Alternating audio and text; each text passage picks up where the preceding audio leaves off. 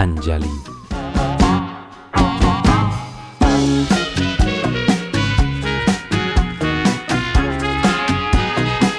Si tens la sensació que en alguns aspectes de la vida vius dins una roda, si et preguntes per què sempre et passen a tu aquestes coses, si certs patrons se't repeteixen al cap del temps, és probable que sigui conseqüència d'una realitat que t'has anat llaurant al cap dels anys.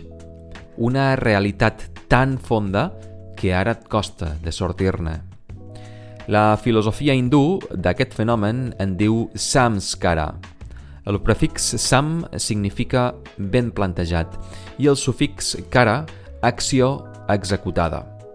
Són, en definitiva, empremtes psicològiques, impressions subtils de les accions que venim fent al llarg de la vida. Cada vegada que es repeteix l'acció, el solc es fa més profund, fins al punt de crear-ne un hàbit i determinar aspectes de la personalitat i la manera com percebem el món.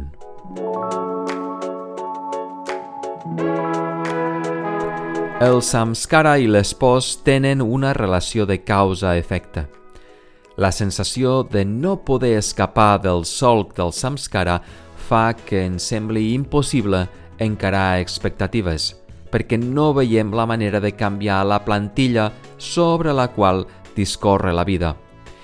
I, literalment, aquesta sensació ens aterra, ens fa pànic, perquè hem creat un món que té sentit en la mesura en la que creem i assolim expectatives.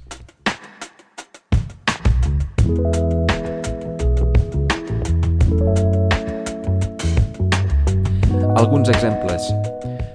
M'encantaria que aquesta persona amb la que fa temps tinc una relació fos la persona amb la qual compartir la vida.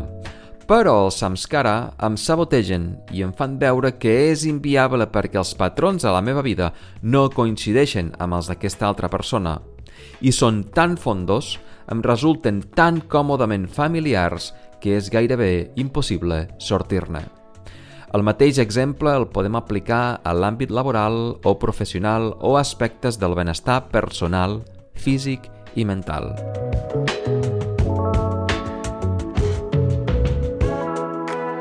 Però els samskara també poden ser positius i, de fet, són els que ens hem d'enganxar per tal de sortir de la roda. El problema és que quan som dins la dinàmica de la fortuna, salut, riquesa i felicitat, anem a sac i portem els sentits a cercar l'eufòria, l'èxtasi, tot oblidant que tard o d'hora la roda tornarà a situar-nos dins el solc i que llavors ens farà falta coratge, força per sortir-ne. Només ens preocupem de la direcció de la vida quan ens plouen hòsties de per tot. I és així perquè vivim, perquè quan vam néixer vam partir d'un punt i moltes vegades encara no sabem quin és el rumb. No ens hem preocupat de trobar la direcció, un sentit profund a la nostra vida.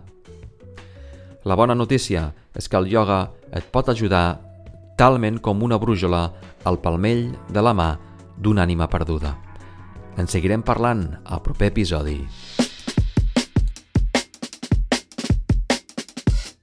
El quiosc.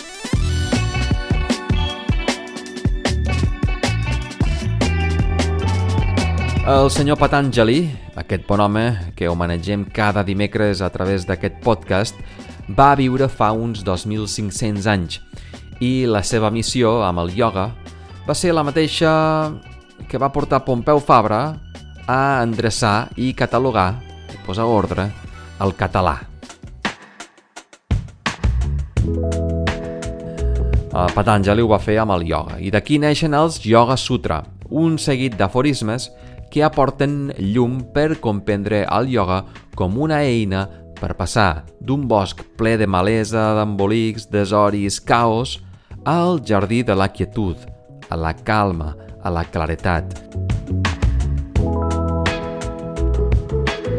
Per tal d'arribar a aquest jardí, Patanjali ens proposa vuit nivells o passos també en alguns uh, llibres anomenats uh, branques, que tenen a veure amb el nostre entorn i amb el nostre interior.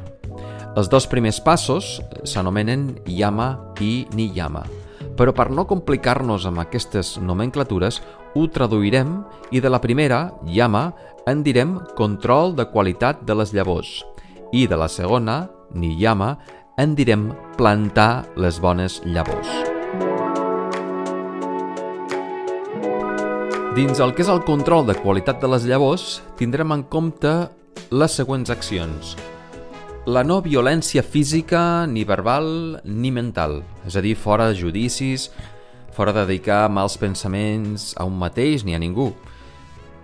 No mentir ni construir falses identitats d'un mateix.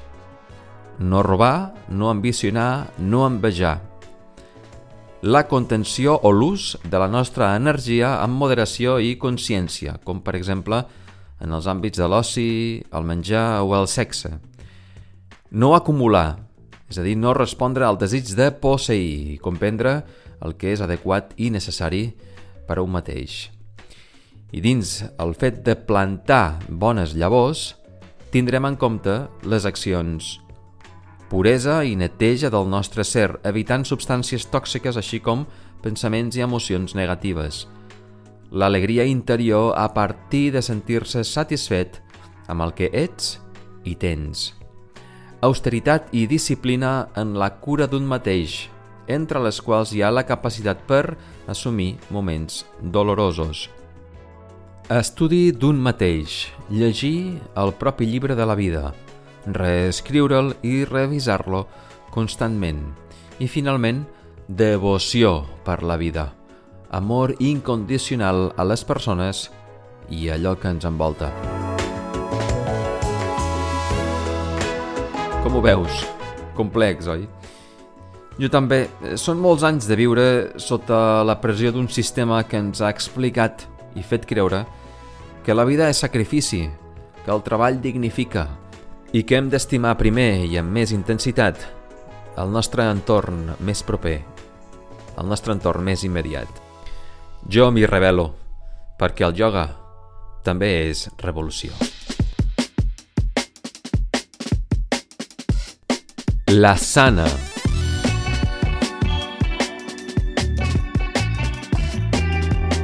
Trikonasana, o la postura del triangle, és una asana que acostuma a desenvolupar-se de manera extraordinàriament confosa, i em sap greu ser tan clar.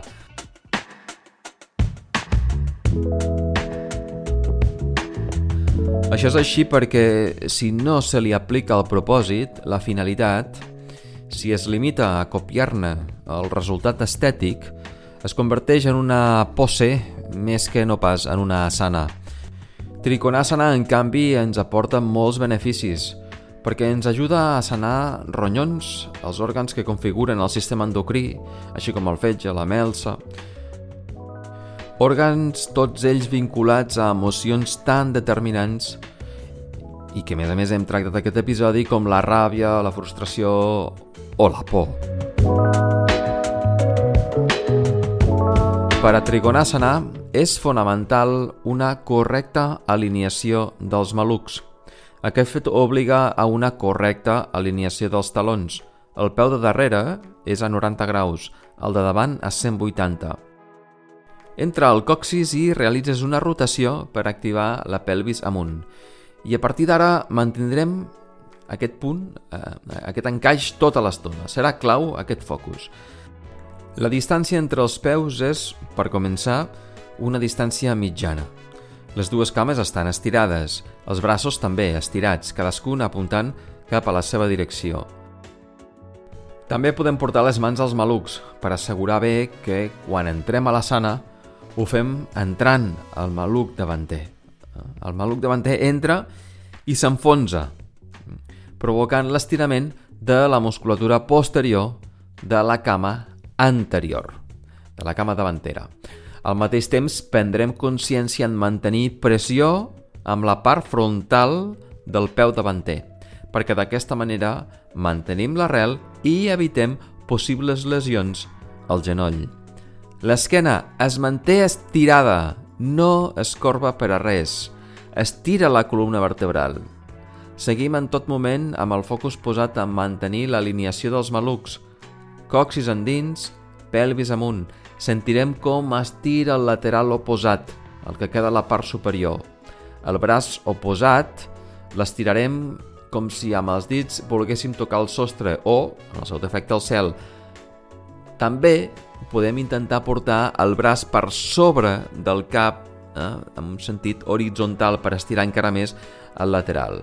I és clau, és, és superclau, un control exhaustiu de les exhalacions, lentes i llargues, per tal d'alliberar resistència física i resistència mental en el moment de desenvolupar la postura.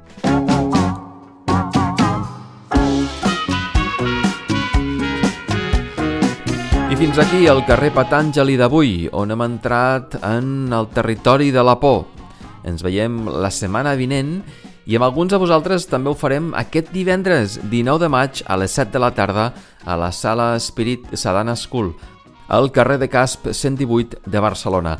Si encara no t'has apuntat al taller, afanya't, perquè gairebé no queden places. Per més informació pots contactar-me a través del canal d'Instagram Carrer Patanjali.